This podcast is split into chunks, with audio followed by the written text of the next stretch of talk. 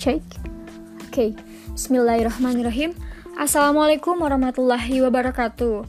Om Swastiastu, Namo Buddhaya, Salam Kebajikan. Jadi ada sebuah istilah nih yang mengatakan bahwa tak kenal, maka tak sayang. Ya, meskipun sudah kenal belum tentu disayang. Oke, maaf, kembali lagi ke laptop.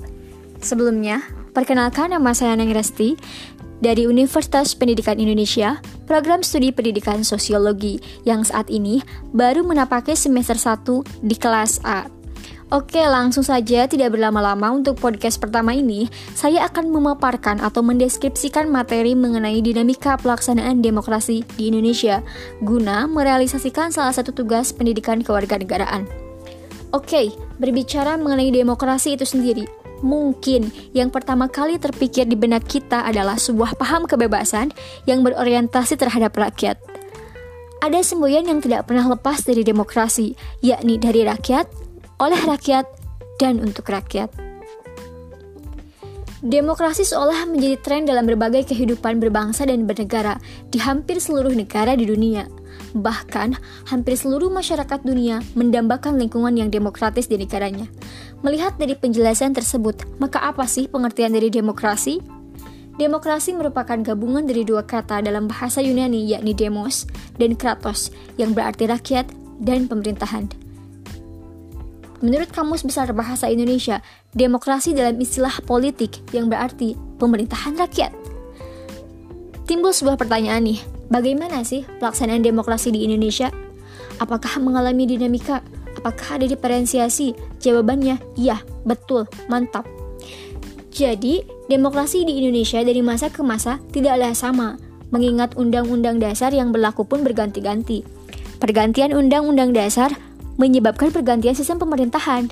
Untuk mengetahui bagaimana pelaksanaan demokrasi di Indonesia, kita perlu melihat ke sejarah perkembangan sistem demokrasi di Indonesia pada periode 1945 sampai 49. Pada masa ini, periode berlaku sistem demokrasi Pancasila dengan kabinet presidensial dan pada tahun ini pula, pemerintah mengeluarkan maklumat dan mengakibatkan sistem demokrasi diganti dengan demokrasi liberal dengan kabinet parlementer.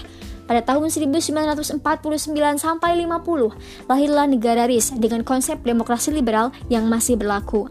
Memasuki tahun 1950 sampai 59, pemerintah Indonesia melaksanakan pemerintahannya dengan sistem yang belum mengalami perubahan, yakni dengan demokrasi liberal dengan kabinet parlementer ala Eropa Barat, khususnya Belanda. Di awal tahun 1959 sampai 66, pemerintah Indonesia melaksanakan demokrasi terpimpin akan tetapi, karena adanya penafsiran yang salah terhadap demokrasi terpimpin, terjadi berbagai penyimpangan terhadap Undang-Undang Dasar 1945. Salah satunya penyimpangan terhadap pengangkatan presiden yang dilakukan secara seumur hidup. Kemudian pada tahun 1966 lahir Orde Baru yang ingin melaksanakan Pancasila dan Undang-Undang Dasar 1945. Secara ideologi dan konstitusional, asas demokrasi mencerminkan wajah demokrasi Indonesia yang bersumber dari tata nilai sosial budaya bangsa. Demokrasi Pancasila bukanlah demokrasi yang berdasarkan kekuasaan mayoritas, dalam demokrasi Pancasila, tidak ada satu golongan pun yang boleh semaunya mempertahankan atau memaksakan pendiriannya sendiri. Dengan demikian, tidak ada tempat untuk diktator mayoritas atau tirani mayoritas. Demokrasi Pancasila berbeda dengan demokrasi liberal yang mengutamakan suara mayoritas dalam mengambil suatu keputusan. Berbeda pula dengan demokrasi terpimpin yang mengutamakan pemimpin dalam mengambil keputusan. Saat ini kita menganut demokrasi Pancasila, yakni yang berlandaskan pada Undang-Undang Dasar 1945 dan Pancasila. Demokrasi apa pun yang kita jalani saat ini semoga merupakan demokrasi yang terbaik sehingga bermanfaat bagi semua elemen masyarakat. Terakhir saya ucapkan terima kasih kepada Profesor Dr. Dasim Budimansyah MPD MSI, Bapak Abdul Aziz MPD, Bapak Supriyono, dan Ibu Rika Sartika. Saya Neng Rasti, terima kasih. Mohon maaf atas segala kekurangan di podcast ini. Terima kasih. Wassalamualaikum warahmatullahi wabarakatuh. Dadah.